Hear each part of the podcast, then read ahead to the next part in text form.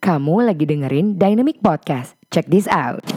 Get ready, dreamer, hustler, executor. Thank you for listening to Dynamic Podcast. I'm your host Dayang Melati, founder dan juga CEO dari Dynamic Indonesia, sebuah marketing dan branding agency yang membantu para pengusaha, organisasi, hingga personality untuk berkomunikasi lebih baik agar bisa mencuri hati sehingga dapat melakukan transaksi dengan penuh percaya diri.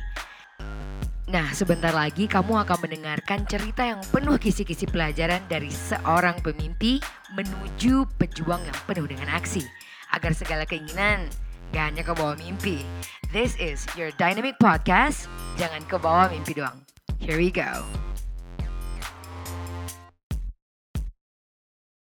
Halo semuanya, welcome back. This is Dynamic Live Stream Interview. Uh, dan kali ini kita akan ngobrol bareng uh, co-foundernya Garis Temu, uh, Bang Nika, and we are waiting for him to be on board. Uh, dan saat ini teman-teman uh, kita masih di series uh, konten kreator kita Uh, makanya kali ini kita akan ngobrolin tentang kreatif uh, konten. Gimana sih cara bikin kreatif konten ala garis temu? Kalau teman-teman uh, tahu garis temu ini juga sebuah kreatif agency. Um, we are one of their big fan gitu. uh, udah lama juga dengerin uh, apa namanya podcastnya garis temu. Terus habis itu nontonin live-nya juga aktif live ya. Kayaknya sekarang di di di Instagram juga lagi live garis temunya. So, yeah, let's go. Halo, Hai. Bang Dika. Halo. Apa kabar? Baik, baik. Apa kabar, Dayang? Baik. Baik, baik. Wah, makasih banyak loh ya, Kak. Udah mau luangin waktunya di tengah di tengah-tengah ke sibukan live ini. Sama-sama, sama-sama. Iya, mostly kayaknya kebanyakan sekarang pada bikin konten live ya kayaknya ya. Iya, iya. Hmm, iya iya iya oke oke. So, uh, Bang kita sekarang nih lagi di live series interviewnya Dynamic Indonesia. Jadi kita Mm. ngadain kayak ada satu series yang bener-bener fokus ngomongin konten. Nah, since I've told you ini kita juga baru pertama kali ketemu ya setelah chattingan. Iya. mau nggak di uh, di live aku literally japri dan alhamdulillah ini garis temu approachable banget. Thank you banget ya. Uh, udah Thank you gabung juga. sama kita nih yang di daerah di Pontianak. so anyway, uh, mungkin Bang Dika bisa kenalan dulu Bang sama teman-teman yang lain. Boleh. Halo teman-teman. Uh, buat yang belum kenal, salam kenal. Uh, nama aku Dika. Aku co-foundernya dari Garis Temu. Kebetulan yang dikerjain tuh di Garis Temu mungkin sama kayak Dynamic Indonesia, kayaknya nggak jauh beda ya. Kayak mirip-mirip aja kita bikinin you know. Kita bikin campaign, kita uh, marketing sosial medianya, terus kita Hmm. jalanin digital marketingnya juga gitu. Hmm. Nah selain itu yang aku kerjain juga aku ada nulis juga, terus Hmm. fotografer juga, videografer, terus iya. ya backgroundnya desain sih basically gitu kali ya. Gila. Ini udah hampir semuanya ya, eh, ngedesain juga, video juga, foto juga, udah. Ini kayaknya berapa orang bang di garis temu tim semuanya, kalau boleh tahu. Di Jangan-jangan garis- gua aja semuanya gitu. Oh enggak, oh, oh iya, kaget Oh ya? iya, Enggak enggak Ah, bercanda, enggak bercanda. Jadi di garis semua ada sekarang kayaknya 12 atau 13 orang gitu ya. Wow, Uh, macam-macam ada desainer, ada fotografer, videografer, ada copywriter, macam-macam deh pokoknya. Hmm. Gitu. Iya iya iya. Oh oke since kita tadi udah ngomongin garis temu nih ya. Sebenarnya aku juga tahu garis temu itu pertama kali tuh ada tim aku yang ngasih tahu gitu kan. Eh tahu Hmm. check out this this ini gitu kan. Biasanya kan kita juga research research gitu kan. Terus kayaknya wah ini asik nih garis temu gitu. So been following that. Eh kalau boleh cerita gimana sih foundednya garis temu pertamanya ada sama uh, bang siapa satu lagi ya? Sama Gior. Jadi Iya iya iya. aku sama Gior itu kita co-foundernya. Jadi awalnya tuh idenya muncul waktu kita masih kuliah sebenarnya. Nah, Oh oke. waktu masih kuliah kebetulan kita satu kelas di desain produk uh, UPH gitu. Uh Nah, PH ya oke. jadinya dari sana kita mikir kayaknya seru nih kalau kita habis lulus kuliah kita uh, bikin sesuatu Mhm. gitu. Hmm. Karena basically kan kalau di kelas itu Gior itu lebih ke bisnisnya, lebih pokoknya Mhm. otaknya bisnis banget deh. Nah, kalau aku tuh lebih ke kreatifnya, desainnya, Oh, gitu. fotonya gitu-gitu. Nah, dari sana kita Hmm. uh, brainstorming kira-kira apa yang bisa dikerjain ya. Terus kita sadar kalau sosial media ini uh, lagi besar sekarang gitu. Nah, karena dulu basically aku per pernah punya bisnis juga, Gior juga punya bisnis. Nah, kita punya pain untuk menjalankan sosial media itu sebenarnya. Nah, dari sana akhirnya kita mikir ya kalau kita aja yang anak desain kesusahan, gimana yang bukan anak desain gitu kan. Jadinya akhirnya yeah, kita dari yeah, sana yeah. mulai deh ya udah deh kayaknya kita bisa nih bikin ini terus ya mm-hmm. berproses terus sampai sekarang jadi ya garis temu sekarang sih gitu. Udah berapa gitu. lama uh, bergaris temu berarti? Satu setengah tahun lah, satu setengah hmm. tahun ya. Nah, baru satu setengah tahun, jadi kita mah masih anak kemarin sore gitu. Eh, Dibandingin wah. yang lain mau udah pada lama-lama lah. Oke, okay. tapi kontennya uh, gimana sih kan uh, satu desain, satu bisnis gitu kan. Uh, yeah. Pertama-tamanya bener-bener mahamin konsep gimana sih how agency works gitu gimana ya? Mungkin teman-teman agency juga ada yang hmm. nonton nih. Uh-huh. Uh, itu tuh kayak gimana? Uh-huh. Paling sih kalau awal-awalnya ya, awal-awalnya tuh aku tuh sama Gior um, sama sekali nggak ada background marketingnya. Even hmm. kita nggak tahu sebenarnya sosial media itu uh, caranya gimana sih. Jadi kita benar-benar uh. cuma dua orang yang yang ya udah uh, berpikiran waktu itu pendek aja kayak ya udah kita bikin aja gitu orang-orang bisa kenapa kita nggak bisa just do it sebenarnya awal, awalnya cuma gitu doang iya kayak udahlah Yor kita bikin aja yuk gitu nah cuma hmm. dari sana terus kalau dihitung salahnya kita udah salah sebanyak itu sih kayak awalnya kita bikin konsep bisnisnya bagaimana terus berubah hmm. awalnya tuh kita hmm. pokoknya salahnya udah banyak banget deh sampai akhirnya uh, hmm. kita kinda figure figure it out kayak oke okay, sosial media kayaknya mainnya gini deh kayaknya hmm. pokoknya kita belajar terus kalau marketing hmm. itu sebenarnya gimana sih gitu secara luasnya hmm. dari sosial media juga gimana jadi ya memang hmm. even sampai sekarang kita pun masih merasa kita masih kurang nih ilmunya nih kayak belum deh kayaknya wow. kita belum sejago itu gitu jadi kita masih belajar terus sih karena yang kita sadarin kalau marketing itu kan berubah terus marketing itu kan hmm. sesuai sama yeah. apa yang terjadi sekarang jadi ya nggak hmm. bisa berhenti berhenti belajar sih kalau di marketing sebenarnya gitu iya yeah, yeah, gitu yeah. sih Iya sih, sama sih. Kita di Dynamic juga ngerasain hal yang sama gitu. We are not like big team juga. Kayaknya juga baru setahunan lebih juga. Kayaknya duluan-duluan garis temu dikit gitu. Hmm. Dari kita we are still very new juga. Cuman kalau kendala sekarang kan kalau kita ngomongin konten kreator ini kan banyak ya. Maksudnya orang-orang udah mulai aware untuk bikin konten di Instagram gitu. Kalau untuk pemula, untuk bikin konten Instagram pemula nih kalau menurut Bang Dika nih gimana? apa uh, tipsnya gitu. Menurutku sih konten itu kan banyak banget bentuknya ya ada yang kalau hmm. sekarang lagi hits tuh yang carousel sekarang tuh yang swipe carousel, swipe swipe ya. uh, yang carousel sekarang yang banyak hmm. pokoknya mirip-mirip deh kan banyak tuh yang sekarang lagi hits hmm. uh, bisa itu atau ya sebenarnya bisa mulai dari apa yang uh, kita suka sih kayak Hmm. Banyak juga loh yang nggak bikin kontennya carousel. Contohnya kalau memang sukanya fashion ya jadinya fashion blogger. Kalau yang sukanya hmm. nulis ya jadinya uh, ah, NKCTHI yang kemarin juga lagi boom banget gitu kan hmm. ada juga konten yang seperti itu jadi ya iya, iya, konten iya. itu hmm. kayak banyak banget sih jadi mulai dari sendiri dulu jangan jangan justru jangan halu kalau kalau halu tuh kita sukanya apa bisanya apa tapi ngomonginnya apa ya itu halu sih jadi mulai dari diri sendiri dulu aja Iya iya iya iya. Cuman ini menarik ya. Maksudnya kita udah setahunan juga di agensi ini gimana sih caranya? Aku penasaran deh. Sebenarnya follower tuh katanya ya janganlah jangan mengindahkan follower gitu kan istilahnya kalau konten Instagram gitu kan nggak usah nggak usah mendingin follower, Gary V apa segala macam ngomong kayak gitu. Cuman you can't help it but notice gitu kan. Anjir garis temu aja setahun udah udah 11 kaan lebih. Ini kita di Dynamic baru seribuan nih gimana cerita? boleh boleh tahu nggak bang rahasianya apa?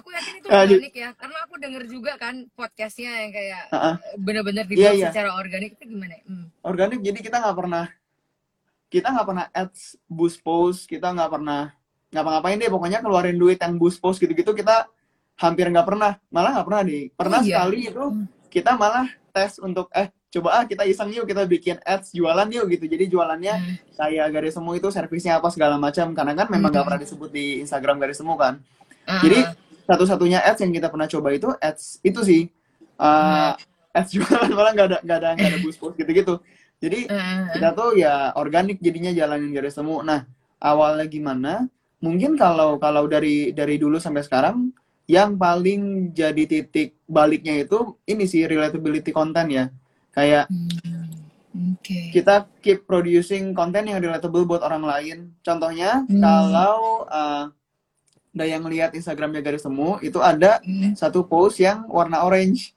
yang isinya kita Iya. gibah. Kita klien sebenarnya di situ. jadi, jadi karena karena awalnya waktu kita set audiens, oke sekarang kita mau jalanin garis temu, audiensnya mau yang seperti apa. Nah waktu awal kita Hmm. bilang ya udah audiens kita, karena kita backgroundnya desain, audiens kita desainer, freelancer, marketer. Nah terus Hmm. pertanyaannya waktu itu kalau audiens kita gitu, gimana caranya kita dapat klien? Karena kan klien kita sebenarnya business owner gitu kan.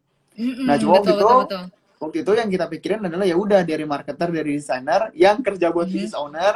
Nanti waktu mereka ngomong ke business ownernya nyari agensi, nyarinya garis temu karena mereka follow kita dari lama gitu ibaratnya. Oh. Jadi kita Kasih value Menarik sama ya. uh, jadi relatable buat mereka sih. Makanya kalau kalau uh, share uh, post-post garis temu yang paling banyak di share itu kalau nggak uh, konten yang relatable yang yang yang Hmm. ngata-ngatain klien yang yang apa isi hati orang-orang sama yang kedua itu Oke. post yang uh, isinya itu itu carousel buat ngebahasin marketing sebenarnya dua dua itu sih Hmm. yang yang bikin garis temu besar sekarang gitu Hmm, wah, wah, wah, wah, kita harus belajar nih. Jadi, eh, tadi ngomongin kata kuncinya konten yang relatable ya. Maksudnya kan juga banyak tuh. eh, ini garis temu. Halo, tim Ah. garis temu. oh, jangan buka kartu. Oh, banyak nih timnya yang lagi nonton kayaknya. Wah, ini satu kehormatan loh bisa bisa nginterview co-foundernya. Thank you banget ya Bang ya kita bisa belajar bareng juga nih. Sama-sama, jauh ke Pontianak sini. Tiba-tiba Pontianak berasa jauh banget ya dari Jakarta. Anyway, eh, yang mau aku tanya tadi kan kata keywordsnya itu kan relatable ya. Eh, bikin konten yang relata- relatable dengan eh, wah timmu masih kasih ya bang ya. Em, eh, konten yang relatable em, apa tuh namanya eh, konten yang relatable eh, kepada audiens gitu kan. So I think juga banyak gitu teman-teman yang udah bikin konten yang relatable gitu istilahnya kepada audiens. Atau gimana ya kisinya apakah konten tersebut. Gary Vee kan juga pernah bilang ya kalau lu bikin kontennya bagus kalau lu distribusinya nggak bagus berarti ya udah percuma aja gitu kan. Kalau menurut lu gimana bang? memang um, setelah kita jalanin memang distribusi Mhm. itu uh, jadi jadi kuncinya jadi mau sebagus apa kontennya kalau nggak ada yang lihat ya sama aja bohong nggak sih sebenarnya Iya iya iya. awalnya justru konten relatable itu membuat garis temu pertama itu dinotis sama orang-orang karena ibaratnya ya waktu itu uh, apa Hmm. ya konten pertamanya itu kalau nggak salah hmm, tentang revisi deh klien yang revisinya aneh-aneh contohnya misalnya Hmm. klien bilangnya kayak eh, sorry ini bisa dinaikin dikit nggak gitu. Terus udah kita naikin Iya. katanya ntar nggak usah yang yang sebelumnya aja. Itu kan sering terjadi di kita kita kan. Iya Nah, orang-orang yang merasa itu relatable akan share itu. Ah. Jadi- jadi, bayangin kalau ada 10 orang yang share itu berarti kan kita Ah. dapat berarti satu orangnya punya follower 1000 berarti kita dapat berapa tuh? 10 kali 1000 10 ribu berarti kan 10 ribu mata yang lihat Iya, iya, story-nya. nah sampai Heeh, satu heeh. ketika akhirnya garis temu itu di uh, notice sama Andra Lodita gitu Oh, oke. Nah, lewat si Kak Andra itulah waktu itu Kak Andra sekali pernah share garis temu uh, Instagram garis temu Hmm. gitu dari sanalah Hmm, akhirnya banyak yang notice garis temu akhirnya sampai hmm, sampai sekarang terakhir kemarin si uh, Kak Ayala Dimitri juga sempat sempat share garis temu punya post gitu gitulah jadi ya Hmm. ya memang ujung-ujungnya yang bikin garis temu besar ya bukan cuma kontennya tapi uh, distribusinya itu dengan Andra Ludita share Kak Ayala Dimitri Hmm. share jadi ya itu yang sebenarnya Hmm. bikin besar sih Iya, gitu Wah, wah, ini bener banget birunya kurang hijau, birunya kurang biru, bener banget. Hmm. Kayaknya ini bagus tapi kurang apa ya? Biasanya kan kayak gitu ya. Oh my gosh. Anyway, um, tadi kan kita ngomongnya udah distribusi kan ya, berarti bikin ber- berarti emang kontennya bener-bener relatable. Kira-kira bisa ngasih tips nggak ya bang ke kita? Gimana sih cara bikin konten yang relatable gitu? Ada biasanya kan desainer tuh pemikirannya lebih clear gitu loh dibandingin uh, copywriter atau content writer ya. Kita aku ngerasanya gitu karena aku sendiri bukan desainer tapi aku emang fokusnya di di marketing strategi dan copy copy dan content writer kalau aku gitu. Cuman tuh nggak tahu kenapa sometimes we have this mismatch gitu kan kayak bayangan kita pas waktu kita nulis tuh di- desainnya bakal jadinya kayak gini eh turns out. Enggak gitu. Kadang-kadang lebih bagus kadang-kadang lebih bagus kadang-kadang lebih eh, nggak sama sesuai ek- ekspektasi gitu. Kalau menurut lo cara bikin konten yang relatable itu patternnya atau step-stepnya seperti apa ya? Makin ke sini makin makin makin merasa kalau konten yang relatable itu nggak ada rumusnya sih. Kayak itu Hmm, apa yang kita rasakan terus kita suarakan. Oke. Kalau menurutku kalau kalau kita udah merasakan itu terus kita suarakan berarti kan udah ada satu orang yang merasa itu kita sendiri kan. Nah sekarang gimana Hmm. caranya bikin konten yang uh, banyak orang rasakan sebenarnya gitu kan makanya iya, iya. kalau kalau lihat Instagramnya misalnya yang kata-kata semua tuh contohnya kayak NKCTHI uh, Mm-mm. banyak lah yang lain itu gitu yang kan Mm-mm. ya yang great mind gitu-gitu kan mereka Mm-mm. mereka me- menyuarakan apa yang orang-orang rasakan Mm-mm. gitu. Nah, mungkin juga bisa bisa dibantunya dengan tentuin dulu target target uh, postnya atau target Instagramnya audiensnya itu seperti apa. Kalau audiensnya nggak clear, ya susah gimana Mhm. caranya kita tahu apa yang masuk ke mereka kalau kita nggak tahu jelas audiensnya kayak gimana. Sebenarnya gitu sih. Makanya dari Hmm. awal dari sebelum itu kan audiensnya udah kita set untuk desainer, marketer, freelancer. Makanya Mhm. konten yang kita buat ya around mereka.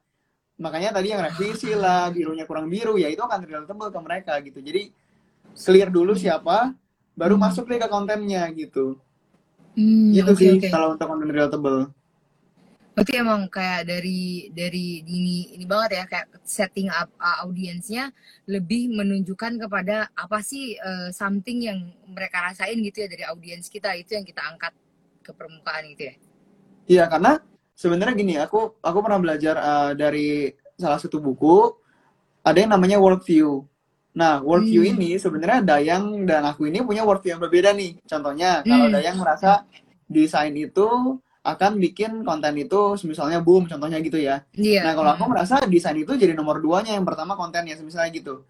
Atau Hmm. kalau mau gampangnya, worldview-nya misalnya Dayang merasa kalau cantik itu penting banget untuk wanita. Saya menurutku Hmm. cantik itu ya jadi nomor duanya buat wanita gitu. Nah, kita punya Hmm, pandangan hmm. yang berbeda sama sesuatu kan. Nah, itu yang Hmm. terjadi juga sama orang-orang. Contohnya freelancer Hmm. punya pandangan yang berbeda juga. Uh, si desainer Hmm. punya pandangan yang berbeda, fotografer juga. Nah, gimana Hmm. caranya kita bikin konten untuk yang bisa masuk ke pandangan yang mereka gitu loh jadinya. Jadi Hmm. Uh, pandangan desainer yang empet kalau direvisi, yang nggak suka kalau direvisi. Nah, Hmm. yang coba garis melakukan dengan post giba itu gitu itu adalah masuk ke worldview-nya freelancer yang nggak suka direvisi. Jadi kita bikinlah konten itu gitu Iya sebenarnya. iya iya. Oh, wow, thinking pattern-nya bagus ya. Oh, Oke oke oke. Ini bahkan Mbak bilang kayak kenalan dulu gebet gebetannya baru ngerayu baru nembak. Oke, siap. Nah, Oh, ini yang, ada yang garis temu nih gitu. kayaknya Gior deh yang lagi pegang garis temu karena nanti dia akan live juga jam 1 2 3. Gitu. Oh Jadi ini iya, dia oh, nih. halo Bang Gior. Gue sering nonton loh live-nya Garis Temu nih. Seru-seru. Thank you, thank you. Um, eh, kalau ini gimana ya Bang ya? Um, bisa cerita nggak sih ke kita kalau di di di Garis Temu itu patternnya itu membuat membuat membuat sebuah konten itu seperti apa sih? Uh, patternnya itu maksudnya uh, gimana? Eh, misalnya nih kalau seandainya kita mau bikin konten nih buat klien gitu kan kalau di Dynamic kan kita eh, dapat konten terus dia di brief gitu kan istilahnya terus habis itu eh, di brief aku malah ke konten writer dulu gitu kan kayak ada key visual design sama key visual kontennya Eh, ini bukan ngomongin dapur sih kayaknya semua orang juga going through the same thing kan aku cuma pengen tahu kayak perspektifnya gitu karena aku masih bingung kadang-kadang something ketika kita pengen bikin konten yang kita eh, seorang content writer pengen itu kok nggak sama ya sama yang di eh, sama yang dihasilin sama desainer gitu loh itu kira-kira kenanya Hmm. gimana ya oh Kalau di kalau di garis temu itu biasanya kan Mm. klien ini masuk nih. Nah, klien masuk Mm-mm. kan yang kita lakukan pertama adalah kita kenal dulu bisnisnya seperti apa. Kayak Hmm, bisnisnya mm-mm. itu ada uh, visinya apa, misinya apa, tujuan bikin bisnisnya Mm-mm. apa, segala macamnya itu kita kenal dulu. Ya. Baru deh masuk ke kita bikin kontennya dong. Kontennya itu pilarnya ada apa Mm. aja sih? Kayak kontennya Ya. pilarnya A B C D E F G gitu. Nah, ntar dari Mm-mm. sana setelah kita brainstormingin masuklah ke copywriternya. Nah, Hmm. habis dari copywriter, biasanya brief visualnya itu dari dari dari kreatif directornya atau art directornya Oh. gitu. Jadi Iya iya. iya. jadi uh, urutannya jelas tuh, jadi nggak ada yang ke skip. Nah, nanti si copywriter itu Hmm. yang nggak berekspektasi akan visualnya, yang punya ekspektasi Hmm. akan visualnya itu ya si art director sama si creative director. which is ya Ah. visualnya seperti apa ya copywriter udah nggak ada andil untuk merevisi visualnya karena itu udah brief dari art director sama creative directornya gitu. Hmm. Nah untuk untuk uh, konten pilar yang keluar dari si copywriter pun udah didiskusin sama creative directornya gitu. Jadi semuanya udah align dari atas ke bawah gitu. Jadi nggak ada yang ke skip lah Hmm. gitu. Iya, Karena iya. kalau- oh, berarti berarti ini kreatif di- director eh, dengan dengan dengan AE itu beda ya kalau di garis temu ya? Kayak Beda, kalau- gitu. Kalau di Oh. garis temu a- account eksekutif yang jadi penghubung antara garis temu sama uh, klien. Ke klien gitu kan. Uh, uh, jadi Iya. kreatif director sama AE-nya berbeda. Nah, ntar AE-nya kan yang dapat briefnya nih dari dari Heeh, heeh. dari klien. Nah, ntar AE-nya Iya, iya. akan brief ke kreatif director. Atau kalau masih nggak jelas, kreatif director sama AE-nya meeting lah sama kliennya, nanya-nanya apa yang harus Hmm. dijelasin, gitu. Hmm. Gitu sih kalau di garis Wah. Oh boleh nih, boleh ya nih. boleh di upgrade nih dynamic nih guys. Lagi kejar deadline kayaknya nih anak-anak. Anyway, ini keren banget sih bang. Baik lagi kita ke pembuatan konten ya bang ya. Itu kan kalau di versi agency nih. Nah sekarang kan kita pengen nge-touch teman-teman yang baik itu UMKM ataupun eh, apa namanya konten kreator di luar sana yang yang pengen bikin konten. Tadi eh, udah ngomong kita harus mulai dari ngomongin target market, apa yang relatable dengan mereka kayak gitu-gitu kan. Nah distribusi ini nih bang, kalau kemarin itu bang bang David dari Great Great Mind nggak tahu dia ada di sini masih di, nonton atau enggak kan ngomong, oh kamu reach out dulu orang-orang yang ada di sekitar di sekitar kamu gitu loh bang. Karena kan kalau seandainya yang menjadi pertanyaan aku yang pengen aku tanyain adalah ketika kita eh, ketika garis temu bikin konten yang relatable dan itu bagus akhirnya di di share kan sama sama graphic design freelance dan lain sebagainya. Cuman kan nggak semuanya kita bikin satu konten dan boom konten itu tuh langsung relatable gitu loh. Itu Betul. gimana ya? Eh, eh, apa namanya untuk mengevaluasi dan memperbaiki konten kita itu gitu biar relatable Uh, aku kemarin sempat ngobrol juga sama content creatornya Juska. Nah, ini uh Insight. wow insight yang bagus sih buat mungkin teman-teman dari Dynamic juga. Uh, Heeh. Jadi kalau di kalau waktu itu si Jesslyn ini konten creator Juska itu uh, ngasih penjelasan gini kalau di Juska, jadi mereka bikin banyak konten Hmm. dari A sampai C misalnya gitu ya. Nah Hmm. ntar yang ternyata works itu konten yang C. Oke, Hmm. berarti konten yang C kan dilanjutin nih. Konten yang Hmm. dilanjutin nanti goalsnya konten creator Juska itu beat uh, engagementnya konten C. Oh, Gitu. iya? Jadi iya, jadi Uh. jadi ada ada benchmark per kontennya gitu. Nah, untuk tahu yang mana yang relatable yang mana yang enggak, kayaknya nggak ada cara lain selain coba sebanyak-banyaknya sih. Makanya dari semua Hmm. awal-awal itu kita cobanya kayak banyak banget yang kita coba mulai dari forum, kita bikin insight, kita bikin apa, bikin apa, bikin apa. Nah, nah, kelihatan yang yang jalannya yang mana, nah itu yang kita lanjutin terus. Yang udah nggak jalan ya Hmm. udah kita hilangin terus kita ganti yang lain, kita ganti yang lain gitu sih. Jadi harus cepat coba-cobanya sih kalau mau tahu yang relatable yang mana ya gitu. Oke oke oke. Wah itu menarik banget ya. Misalnya kalau udah ada satu yang works, terus gimana next time bisa ngebeat benchmark yang ini gitu ya? Iya. Oke oke oke. Kalau eh, apa namanya untuk teman-teman konten kreator kayak gini nih bang, eh, apa tuh namanya? Apa sih yang menurut eh, kamu yang sekarang topik yang kayaknya lagi kalian bisa ngangkat dari sini nih gitu, kayak ngambil konten dari sini nih gitu. Ada nggak? Kalau kalau menurutku sih eh, nggak ada sih karena kita semua berbeda kan. Kayak ada yang Ah, sama oh pun tadi beda. ya, jangan halu ya. Hmm. Iya, nggak ada sih. Jadi kontennya apa pun, menurutku selama selama poinnya bagus, selama poinnya Mm-mm. genuine, poinnya Mm-mm. itu uh, memang bener-bener apa yang kita suka, apa yang kita Mm. uh, tahu persis. Menurutku ya Hmm. share itu sih dibanding share yang kita nggak tahu ya, jadinya kan kelihatannya jadi kayak kurang pintar Iya, iya. tuh share yang hal-hal yang kita nggak iya. ngerti. Bener bener bener aku setuju bang. Ta- tapi ini nih ka- kan ada tuh kadang-kadang eh, kita kan juga harus ngikutin tren kan. Misalnya sekarang lagi kayak kemarin ada tren apa tuh kayak di rumah aja atau tren yang kayak bikin dalgona yang kayak gitu-gitu. Eh, gimana sih responnya eh, tim eh, ko- konten kreatornya garis temu ngelihat eh, gimana kita immerse dengan dengan tren gitu? menurut uh, yang kita jalan di garis temu terus ada beberapa tren yang kita nggak nggak jalanin contohnya Dal- dalgona ya kita nggak peduli juga sama tren itu gitu sebenarnya kayak Hmm. ya udahlah biarin itu jadi tren yang terjadi di misalnya kalangan barista dan sebagainya gitu tapi kalau kayak live yang memang ada untungnya untuk garis temu karena sekarang semua orang live, semua orang ada presence di live ya kita lakukan live gitu. Cuma kalau tren-tren Hmm. yang memang gak ada hubungannya sama garis temu dan kita lihat kayaknya ya tren itu gitu doang, nanti juga trennya sebentaran doang atau trennya gimana ya kita nggak nggak nggak Hmm. musingin sama sekali gitu. Jadi kita lebih ke Oke. uh, nggak pusingin trennya apa, kita jalanin aja Mm-mm. yang bagusnya gimana gitu. Hmm, hmm, hmm, hmm. oh gitu ya. Emang kalau emang nggak relatable, eh, ya udah di skip aja gitu ya. Iya kita nggak terlalu pusing sama trennya apa sih, kecuali Hmm. uh, ya nggak nggak sih kita nggak pernah pusing sih trennya apa kayak ya udahlah biarin aja gitu. malah kita mencoba untuk membuat tren kalau bisa malah jangan ngikutin tren. Hmm, hmm, hmm. Oh gitu ya. Kalau boleh tahu nggak bang, eh, advice atau tips untuk eh, to keep yourself creative gitu, ada rutinitas yang lu jalanin nggak sih? Nggak ada. Kayak, Oh ada ada ada ada ada ada. oh Ada, oke. ada, ada. Jadi gua.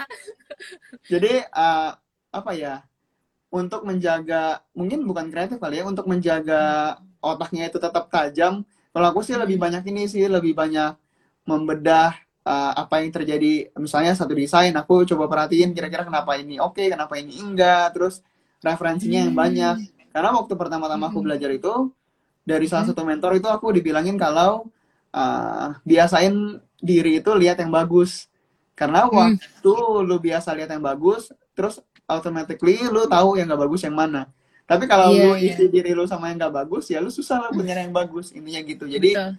Hmm. apa ya referensi itu jadi penting banget sih buat kita uh, jadi jadi filter Hmm. pertama kita jadi kita tahu yang mana yang bagus yang mana enggak jadi perbanyak referensi sih perkaya referensi sebenarnya gitu kalau dari aku ya Hmm. Iya iya iya. Kak, kita boleh tahu nggak sih ada referensi-referensi yang menurut lu bisa kita pantau nggak bang? Untuk teman-teman konten kreator nih, baik agency ataupun live. Biasanya nikmatin referensi yang mana? Uh, kalau kalau misalnya mau lihat konten-konten creator kayak contohnya dari tadi kan udah disebut tuh Gary Vee juga satu yang paling besar Oh. kan sekarang Mm-mm, Nah, mm-mm. kalau garis temu sih uh, cara buat ngelihat trennya, kontennya, uh, kontennya referensi dari mana kita riset sih. Kita Hmm. risetnya dari semisalnya uh, medianya beda-beda. Biasanya kita baca-baca dari Medium. Contohnya konten writernya Hmm. si si Edel itu Edel baca dari Medium, cari-cari dari Medium. Nah, terus nanti satu tim kalau ketemu sesuatu yang unik, terus kirim deh Hmm. ke grup nih, lihat nih ada ini yang baru, ada ini yang baru. Terus contohnya kayak kemarin Hmm. kita bikin post ini free sama X Mentos kita bedah itu Hmm. itu juga dikirim sama teman-teman yang lain di grup kayak eh lihat nih ini lucu banget nih ini free sama Mentos gitu nah itu nanti kita Hmm. bahas jadi apa ya referensinya sih nggak ada satu spesifik eh, nggak ada satu spesifik account atau apa tapi ya eh, cari-cari dari mana-mana sih kalau kalau itu ya kalau di garis temu Hmm. gitu Oh, lebih seru sih kayaknya ya kalau kayak gitu. Ini habit untuk mencari referensi, kontribusi, ngobrolin ke tim itu tuh ada sistemnya gitu atau emang suka-suka gitu aja sih bang?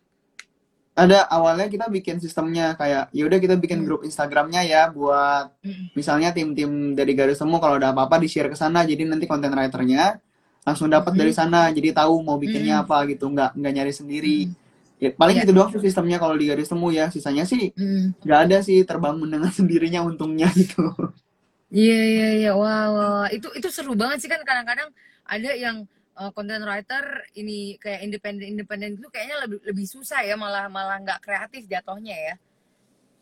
mungkin Kalau bukan nggak- kreatif tapi jadi jadi terbatas poolnya kayak kalau kita kan bertiga belas eh, bayangin kalau bertiga belas ngasih referensi berarti ada 13 referensi berbeda di satu hari yang sama gitu Hmm. langsung kalau sendiri kan Hmm. belum tentu bisa nyari 13 di satu hari yang sama kan gitu Betul. Karena kan betul, semua betul. orang ngelihat yang beda, semua orang punya sumber yang berbeda ibaratnya gitu. Iya Gitu iya sih. iya. Excited ya dengernya. Seru-seru. Tapi kalau uh, ini gimana tuh, Bang? Uh, aku lupa coba mau nanya apa tiba-tiba hilang gitu pertanyaannya. Eh, apa tuh namanya? Oh ya tadi yang referensi ya. Kalau saat ini dari co-founder uh, dirimu atau Bang Georg gitu masih masih involve nggak sih dibikin konten-konten garis temu atau emang udah di content writernya aja? Kalau sekarang sih hampir 80% di content writernya sih. Kecuali Hmm. Kalau kayak post-post yang gibah itu biasanya biasanya aku yang buat tuh kalau post-post gibah. Kayak Oh gitu ya? ya, Hmm, ya kalau gibah-gibah itu aku lebih suka buatnya. Nah, cuma kalau yang insight segala macam nah itu biasanya udah Edel yang in charge. Jadi kita udah cuman Hmm. kalau ada yang kurang kira-kira kayak "Eh, Del kayaknya bisa ditambahin ini deh. Del kayaknya ini Mm-mm. bisa deh dibawa ke sini atau gimana tapi kendalinya sekarang udah 80% 90% ada di Idol sih kalau buat kontennya garis temu ya sekarang Hmm, gitu. hmm. Oke oke, wow wow cool. Kalau seandainya tadi kan kita ngomongin rutinitas untuk nyari kreativitas ya.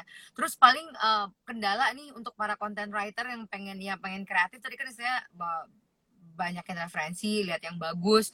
Kalau seandainya untuk disiplin dan konsistensi, ada tipsnya nggak bang? Untuk kita nih. Nah, itu pas banget baru hari ini aku mau nulis tentang konsistensi. Yay! karena karena karena eh, ibaratnya kalau masalah konsistensi mungkin salah satu hal yang paling aku nggak bisa tuh konsisten. Karena nggak tahu kenapa itu susah banget. Tapi sampai satu ketika tadi pagi baca-baca eh, dari salah satu eh, in- dari salah satu content writer eh, Alexandro Ruby terus dia bilang kalau untuk jadi konsisten itu sebenarnya cuma tergantung berapa berapa pengen lu sama itu. Jadi kalau lu Hmm. sepengen itu nggak usah disuruh konsisten ya lu jalanin gitu cuma kalau dulunya nggak pengen ya susah gimana caranya buat konsisten gitu jadi ya Wow. konsisten itu cuma seberapa pengen kita aja sih sama sama hal yang mau kita konsistenin gitu contohnya kalau olahraga ya Hmm. seberapa seberapa pengen kita hidup sehat atau gimana Hmm, Itulah. hmm, hmm, hmm. gitu sih Wow, kayak konsisten ya seberapa pengen aja gitu Oh nggak usah gitu. dibikin susah Iya, iya. Ah, Enggak, apakah dirimu pernah ini enggak sih kayak eh, terlibat ada habit-habit yang yang yang biasanya eh gue emang jam jam segini tuh emang eh, workoutnya eh bisanya emang buat kerja yang jam segini emang nggak bisa kerja kayak gitu-gitu ada nggak di di dirimu atau di garis temu gitu? Eh, kalau di garis temu sih semua orang punya jam kerja yang berbeda-beda contohnya ada Hmm. ada desainer atau ada fotografernya garis temu itu yang kalau kirim kirim preview ke buat direvisi itu bisa jam 2 pagi, jam 3 pagi. Tapi Oke. uh, ada beberapa yang aktifnya misalnya pagi ke siang, uh, pagi ke sore gitu. Hmm. Nah, kalau kalau aku sendiri memang dari kuliah itu aku udah sadar kalau aku lebih aktifnya kalau pagi. Makanya Hmm, hmm. uh, makanya apa ya kan orang tuh ada dua ya, ada yang morning person, ada yang malam gitu kan.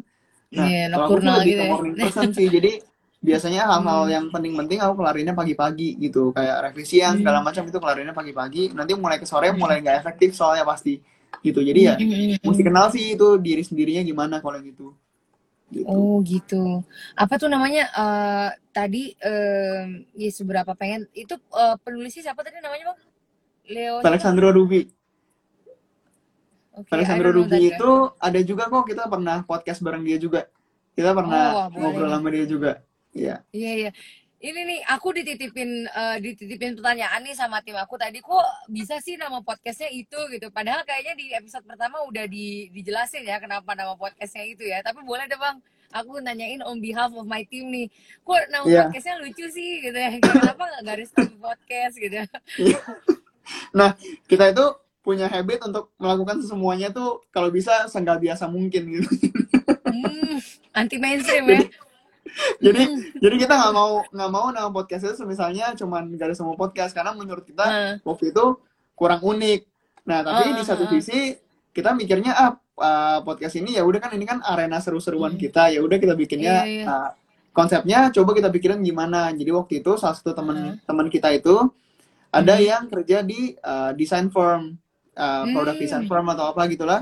Terus dia sharing-sharing, eh ada nih di kantor gua namanya itu design bullshit atau apa gitu. Hmm, hmm, Uh, hmm. iya, kalau nggak salah namanya design Design bullshit. Jadi di design bullshit itu mereka satu kantor itu uh, saling ber, be- ber- beradu argumen uh, Hmm. tentang desain. Kalau nggak salah gitu, aku agak lupa Hmm, juga. hmm. Nah, akhirnya kita mikir deh, "Ah, ya udah nih dari bullshit ini bagus banget nih, Ah, kita bisa apain ya ini ya gitu. Ya udah akhirnya kita kita bikin podcastnya anything bullshit karena. Uh, dari situ semuanya yang menurut orang-orang bullshit nggak nih gue bedah nih hari ini ya gue tanya ke orangnya beneran nggak lu bullshit kalau lu misalnya sukses gara-gara uh, turun orang tua atau apa ya jadi kita mau iya. memecahkan stigma itu sih sebenarnya dari podcast itu Hmm, gitu hmm, hmm. nggak ada Oke. hubungannya sama garis temu by the way itu ya itu kita iseng itu kita iseng aja gitu. se enjoy itu ya. Kalau ini gimana ya bang ya? Kita di Dynamic eh, kalau boleh minta advice juga nih eh, aku. Kita kan udah eh, mulai podcast juga kan. Kita ada podcast, kita ada YouTube, eh, ada Dynamic Marketing Agency, ada Dynamic Marketing Class gitu kan. Terus ada podcast juga nih. Em, jujur aku sendiri kayak masih bingung gitu loh sekarang sebenarnya, terutama di bagian podcast gitu. How do you actually distribute podcast content gitu? Ada ada saran nggak bang? oh kalau kalau di garis temu itu itu yang kita lakukan kita potong podcastnya jadi klip-klip Heeh. kecil gitu. Jadi kita upload Heeh. di Instagram garis temu juga kalau distribusi podcastnya ya. Selain Heeh. itu kan karena memang kebetulan mereka-mereka yang keren-keren ini mau kita ajak podcast. Jadi kita Heeh. kebantu juga dari dari sananya sih gitu. Jadi kayak Oh, distribusinya oke mereka kadang-kadang suka share juga, suka bantuin juga gitu. Karena kebetulan Oh merekanya gitu. merekanya rendah hati sekali untuk mau berpodcast bareng kita. Wow. Oh tapi itu emang emang si si eh, itunya juga nyebarin gitu ya. Si Ya eh, biasanya namanya biasanya guestnya. guestnya Hmm. bantuin untuk eh, share podcastnya atau apa ya biasanya gitu sih Hmm. kayak Kak Hmm. Terus Hmm. si Ayla Dimitri ada Stefan Chandra Hmm. mereka semua juga pernah deh kayaknya share podcastnya jadi kebantu dari sana juga Hmm. gitu Oh, oke oke oke. Em, selama ini nih udah eh, dalam satu tahun setengah ini bikin konten sebagai desainer, building garis temu, pelajaran berharga apa sih yang bisa lu share ke kita gitu? Oh, ternyata. pelajaran berharganya sih Hmm. apa ya Eh, marketing itu susah sih karena Hmm.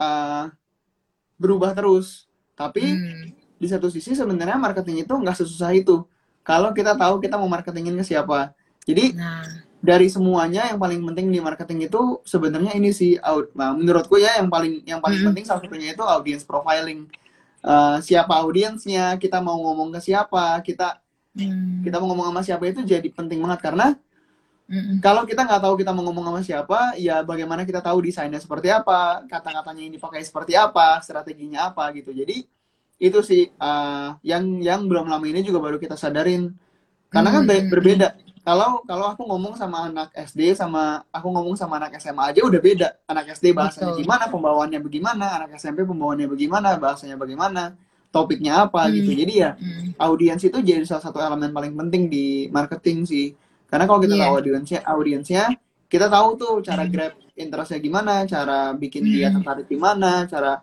grab Hmm. attentionnya gimana itu kita tahu jadinya kita tahulah kira-kira mau Hmm. dibawa ke mana gitu Oke, ini kita kan, eh, aku setuju banget juga sih bang yang masalah audiens itu kan kita berkali-kali juga kan mencoba untuk profiling audiens sebaik mungkin gitu. Tapi ada tips nggak sih untuk teman-teman yang baru, misalnya nih, oke bang Dika bilang eh, kita harus tahu nih kita ngobrol sama siapa gitu kan, Eh, menentukan ada nggak sih tips-tips untuk menentukan atau membentuk profiling dari audiens itu sendiri bang? kalau kalau platformnya udah jadi Mm-mm. nah, udah ada followersnya Mm. biasanya bisa pakai sebar kuesioner kuesioner Hmm. minta tolong mereka isiin jadi kita tahu kalau belum Hmm. jadi kayak awalnya garis temu kan belum jadi nah itu kita yang tentukan audiensnya siapa nah Hmm. kalau Tapi misalnya tepat, tepat gitu ya? ya karena kan waktu kita tentukan audiensnya konten-kontennya mengikuti jadi audiens yang Hmm. terbentuk ya sesuai sama apa yang apa yang kita omongin di konten gitu karena audiensnya dari awal Iya, kita udah iya. kira-kira tentukan nih Mm-mm. jadi kan nggak mungkin dong kalau kita tentukannya desainer eh malah yang datangnya semisalnya jurusan matematika gitu yang nggak ada hubungan yang nggak akan masuk gitu karena kita udah tentuin Oke, buat oke. desainer kontennya buat desainer ya yang masuk ya desainer pasti Iya iya iya. Gitu iya. sih. Mm-mm. Mm-mm. Jadi eh, pertama kalau itu kalau kalau yang belum ada kita yang nentuin gitu ya bang ya. Kalau yang udah terbentuk nih gimana bang? ya itu bisa bisa lewat Oh, kuesioner atau bisa lewat uh, FGD focus group discussion Uh, Hmm, wow. Dari semua ngelakuin hal itu bang? ngelakuin. Uh, kita melakukan Hmm. FGD juga kadang-kadang kalau memang kita udah buntu banget terus Mm-mm. kita mau tahu hal-hal yang lebih dalam biasanya kita bikin Mm-mm. FGD-nya tuh focus group discussion sama. Siapa aja yang mau yang mau kita tahu informasinya. Contohnya misalnya kita mau bikin program buat influencer. Nah sebelum bikin program ya kita FGD dulu nih. Kita ajak nih beberapa influencer yang kita kenal. Eh coba deh mau nggak kalian FGD sama kita kita mau nanya-nanya nih bikin program karena kan ini programnya buat kalian Mm. kalian ada masukan apa segala macam jadi itu membuat Mm. apa yang kita lakukan jadi benar urutannya terus semuanya jadi Mm. tepat sasaran juga karena kalau nggak gitu ya Mm-mm. kita mikirnya apa nggak taunya influencernya mikirnya Mm. apa ya nggak ada gunanya dong kita Mm. kita kayak bikin sesuatu Iya, yang iya. nggak mereka mau sebenarnya gitu kan Wah, ini menarik nih FGD karena kita belum pernah ngelakuin nih. Jadi bahkan untuk Hmm. klien, untuk untuk untuk event, ba- bahkan garis semua pernah bikin FGD ya bang ya? iya karena Mhm. apa ya? em, karena aku basicnya desain, eh, Mhm. waktu menjalankan sekolah desain itu aku di Mhm. dapat dapat eh, pelajaran paling penting kalau yang menurut kita belum tentu yang menurut orang gitu. Hmm. Jadi Iya iya. kamu mau kamu mau jadi apa seniman atau desainer? Kalau mau jadi desainer nggak usah FGD FGD-an langsung aja bikin kalau mau jadi seniman. Cuma Hmm, hmm. kalau mau jadi desainer ya harus tahu dong eh, cara kita memecahkan masalah orang bagaimana. Nah kalau Hmm. masalahnya punya dia, kenapa kita yang menentukan cara pemecahannya bagaimana? Padahal dia yang punya masalah gitu kan sebenarnya Iya, kan. iya, Jadi Hmm, jadi apa ya? Selalu merasa nggak tahu itu jadi penting banget sih di dunia marketing sama uh, desain mungkin karena waktu kita merasa kita nggak tahu kita jadi mau cari tahu kan. Waktu kita cari Iya. tahu ya kita jadi lebih tahu yang benar-benar terjadi atau sebenarnya tuh apa sih gitu. gitu sih. Wow. Itu keren sih. Kalau seniman ya udah gitu kan tinggal bikin aja gitu ya. Wah, ini boleh nih anak desainer gue bisa gue bilangin kayak gini nih ntar. Lu mau ngapain? Karena kan pada dasarnya desainer itu kan problem problem solver. Uh, Mm. beda sama seniman. Kalau kalau memang seniman kan uh, aku nangkepnya kalau seniman itu kan ya me- mereka melakukan apa yang mereka suka dan itu nggak Hmm. peduli orang mau berpikir apa, pokoknya mereka lakukan aja apa yang mereka suka. Cuma kalau desainer itu kan problem solver. Ya kalau problem Mm. solver ya nggak bisa sesuai apa yang uh, lu suka doang dong kan problemnya harus tahu dulu apa. Kalau problemnya nggak tahu, pemecahan masalahnya gimana taunya gitu. Sebenarnya gitu kan. Iya. Wah ya itu tambah seru nih bang. My next question nih. Eh sorry sampai lupa bilang kalau teman-teman yang dengerin pengen nanya, silakan langsung langsung komen aja ya guys. Aku sampai lupa ngomong itu nih. Jangan-jangan mereka dengerin kita bacot aja nih berdua. oh my god. Eh, aku pengen yang pengen aku tanyain tadi kan kita ngangkat betapa pentingnya audience profiling ya. Biasanya kalau menurut pengalamannya Bang Dika, eh, pertanyaan apa sih atau daerah eh, area eh, mana aja sih yang harus kita observasi atau research untuk membentuk customer audience yang yang yang bagus gitu. Hmm, semuanya. Intinya gimana Hmm. caranya si si orang-orang ini data-datanya kita Hmm. kumpulkan, terus kita Hmm. bikin deh personanya. Contohnya ya, Hmm. eh, misalnya kita lagi mau nyari tentang desainer gitu kan. Nah, Hmm. kita mau bikin nih persona desainernya. Personanya itu misalnya sebut aja nama dia Adi gitu ya. Nah, mm-mm, Untuk menciptakan Adi, kan kita butuh tahu nih umurnya berapa, Hmm. eh, gendernya misalnya pria lah dia ya.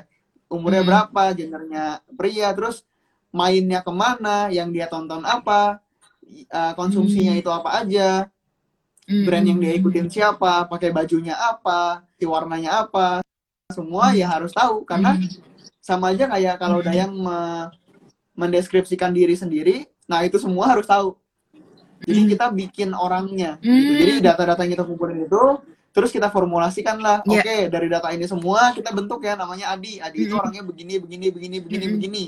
Nah kalau misalnya konsumsinya Hmm. kita udah tahu apa, contohnya Iya. Adi ini suka baca gitu ya, ya kita kan jadi Hmm. tahu. Oke harus berkomunikasi dengan Adi bagaimana ya. Kalau orangnya suka baca berarti nggak apa-apa dong kita kasih konten yang panjang-panjang. Cuma kalau orangnya Betul, suka baca tapi kita kalau orangnya nggak suka baca, masa kita kasih konten panjang buat apaan? Mereka juga nggak akan baca, gitu kan semisalnya. Betul, betul. Jadi ya Wow. penting untuk tahu semuanya sih sebenarnya gitu. Hmm. Oke, clarity-nya emang harus se, se- sampai benar-benar menciptakan persepsi seorang manusia ya. Iya, Yes. karena kalau kalau Hmm. di garis semua itu kan kita ngomongnya selalu kita humanizing your brand. Kita Mm-mm. membuat brand lu sebagai manusia. Contohnya kalau Iya, brandnya iya, iya. X, ya X ini kita Mm-mm. bikin orang jadinya. Nah, si X ini yang orang Mm-mm. ini siapa, bagaimana orang ini gitu ya. Itu harus tahu. Kalau enggak ya susah sih kalau mau kalau kita nggak tahu terus kita Hmm. gimana caranya buat humanizing brandnya misalnya gitu. Gitu sih. Hmm, oke. Oke. Nah, sekarang kita udah masuk ke tadi gimana cara profilingnya, di distribusi kayaknya itu udah mengcover ya, Bang ya. Yang pengen aku tanyain adalah hal-hal yang biasanya dinanti ini objektif objektif para konten kreator yang sekarang juga ngelihat banyak sekali peluang ketika lu jadi konten kreator baik itu di YouTube, eh, baik itu di Instagram, itu mendatangkan namanya income gitu loh, Bang. Kayak eh, monet- monetization-nya gitu. Nah, kalau menurutmu berapa eh, gimana sih untuk proses monetization itu dari segi waktunya, dari segi eh, kapasitasnya itu tuh ada benchmarknya gitu nggak sih? Wah harus bikin konten dulu nih sama setahun baru lu bisa ini gitu gitu ada nggak? Hmm, benchmarknya ya kayaknya kayaknya uh, menurutku sih nggak nggak Mhm. ada yang sampai bagaimana ya karena Hmm. Yang aku percaya itu kalau kita sharing hal-hal yang bermanfaat buat orang, konten-konten kita bermanfaat Hmm. buat orang, cara monetas monetasinya, monetisasinya itu jadi nggak susah gitu. Monetisasinya jadi nggak susah Hmm. karena Hmm. apa ya? Tanpa kita minta pun ntar ada aja deh yang datang kayak ah garis temu nih kayak gini nih, kak mau nggak Hmm. podcast ah, atau nggak live bareng kita gitu kan? Padahal aku nggak pernah Hmm. minta kan.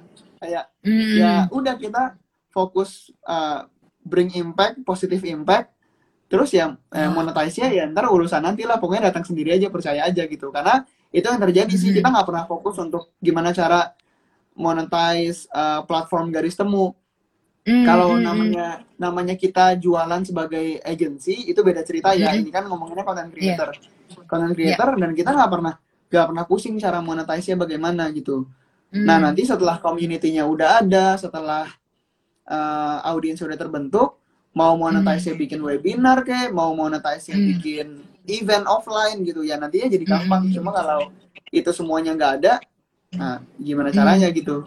Nah, cara Hmm. cara dapat itu semua gimana? Ya kasih konten yang bagus, kasih uh, good impact ke orang lain. Jadinya ya itu bisa ada Hmm. gitu sih. Kalau nggak ada impact-nya ya orang juga buat apa follow sebenarnya gitu kan. Iya iya iya iya. Wah, keren keren.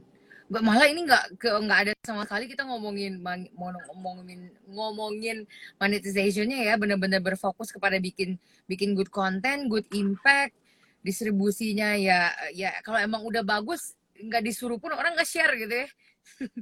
Iya, karena Kalau, banyak kan konten-konten yang bagus dari orang-orang biasa gitu, malah jadinya kontennya viral. Itu banyak banget yang terjadi kayak gitu. Ya jadi ya, Hmm. kalau kontennya bagus ya nggak usah takut sih orang pasti share gitu. Yang penting kontennya bagus, Hmm. percaya diri aja dulu gitu. Oke oke oke. Kalau ini aku bingung nih bang. Ah, penasaran aja sih as a designer ya. Eh, mungkin aku role aku di Dynamic lebih kepada mas saat ini kayak masih kayak ada ada director atau kreatif directornya gitu overall gitu. Em, konten kita tuh sering debat yang masalah konten yang harus eh, banyak desainnya atau eh, you know like you know a very full design uh, instead of like yang uh, kayak uh, founder gitu kan. Kayak founder kan B aja gitu kan ininya desainnya tapi tuh ngena banget gitu. Um, despite of ya despite of like uh, knowing the audience kita ngobrolnya sama siapa dan segala macam kayak gitu uh, menurut pengalamannya Bang Dika seberapa efektif sih sebenarnya desain itu berpengaruh uh, terhadap komunikasi kepada ke, terhadap komunikasi kita kepada audiens kita Berpengaruh dong pasti namanya desain. Uh, bayangin aja kalau misalnya uh, kayak founder atau kayak misalnya Hmm. future gitu desainnya jelek ya orang juga nggak mau lihat juga gitu. Ya Hmm. kalau desain itu berfungsi juga untuk membawa orang tertarik kayak oh desainnya bagus, oke uh, gua mau Hmm. lihat deh kira-kira apa sih dalamnya gitu.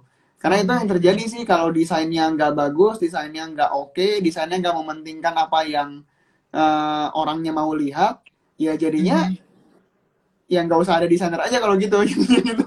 Kayak Hmm, ya si desainer ini memang tujuan ter, terbesarnya atau tujuannya adalah untuk mem- mempercantik sesuatu biar orang jadi lebih hmm, uh, tertarik, orang lebih pengen baca, Hmm. orang lebih pengen tahu, orang lebih hmm, uh, terbantu hidupnya karena kan di- gitu kan si desain ini kan pada prinsipnya gitu. Jadi ya Iya, iya, iya. kalau karena uh, even di konten-konten yang isinya tulisan pun ada desainnya loh, ada komposisinya Hmm. gitu kayak konten-konten yang isinya puisi-puisi itu juga kalau penempatan komposisinya uh, tulisannya kegedean, tulisannya kekecilan sampai nggak kebaca atau tulisannya Iya, terlalu penuh atau gimana kan itu juga jadi masalah.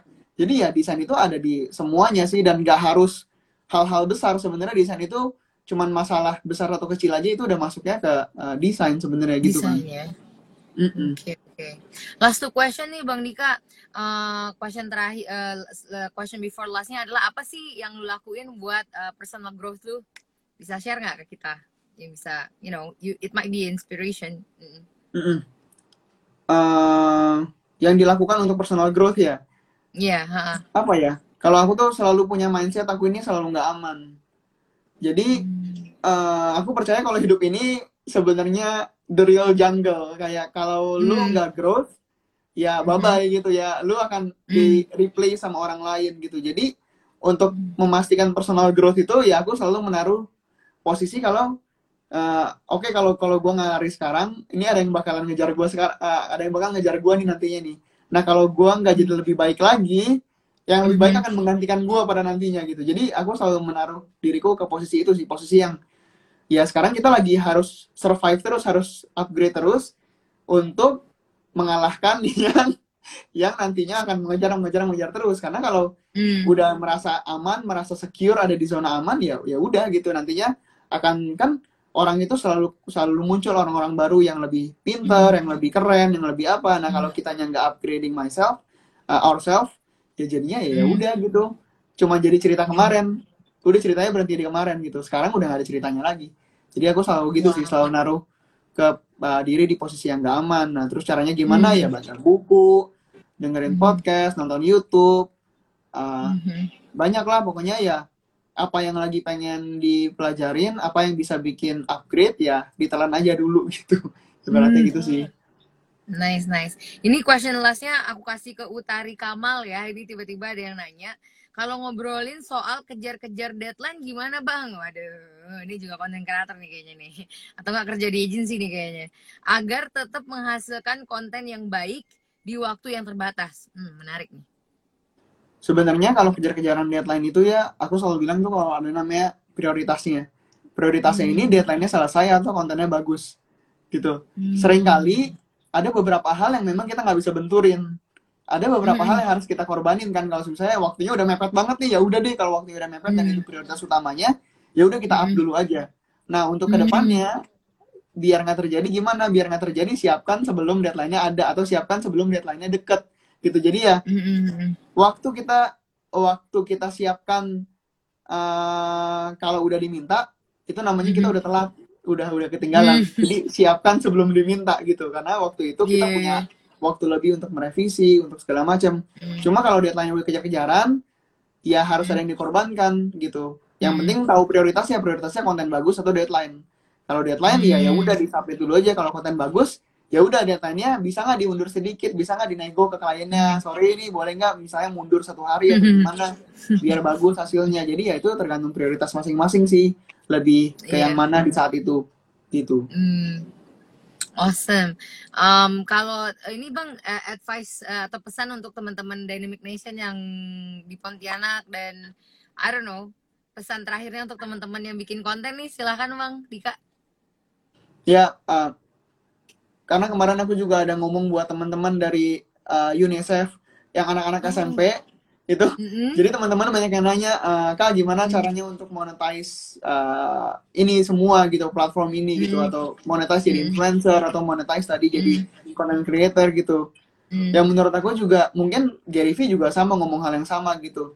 Eh, boleh terserah sih ini pilihan orang kalau mau eh, mikirnya monetize atau apa.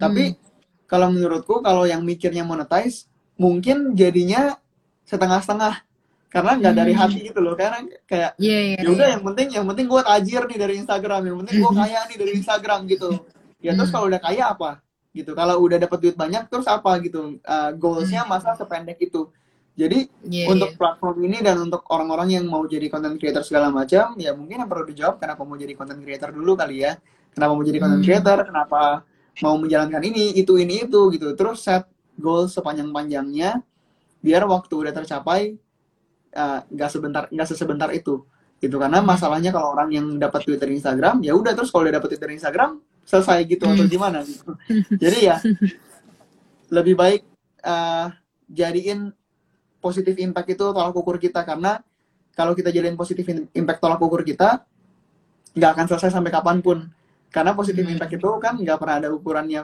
mau sebanyak apa mau satu Indonesia mau satu Pontianak mau satu Jakarta satu Tangerang yang mana gitu positif impactnya mau sebesar apa kalau satu Hmm. satu Indonesia ya itu akan take a lot of time sih untuk uh, give positive impact ke satu Indonesia aja gitu gimana satu Iya, dunia iya.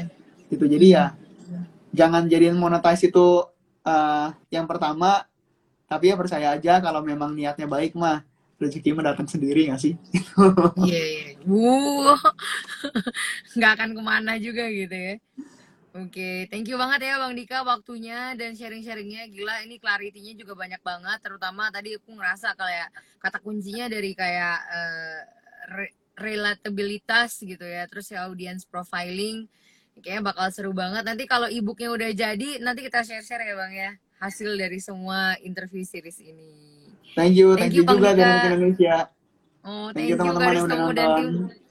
Iya salam ya bang untuk timnya thank you banget kayaknya Oke, asik-asik salam banget timnya. Mungkin kalau corona sudah berakhir ini di Jakarta mana bang Kita di Tangerang. oh wow oke Hmm. mungkin bisa main-main nanti kalau udah ini Iya, apa namanya event bareng di main-main. Pontianak nih garis temu dan Nanti kita main juga ke sana. Kalau ada waktu. Oke. Oke, makasih banyak ya Bang dan semuanya. Bye. Assalamualaikum. Thank you. I'm just wild and young. I'm just wild and young. Do it just for fun.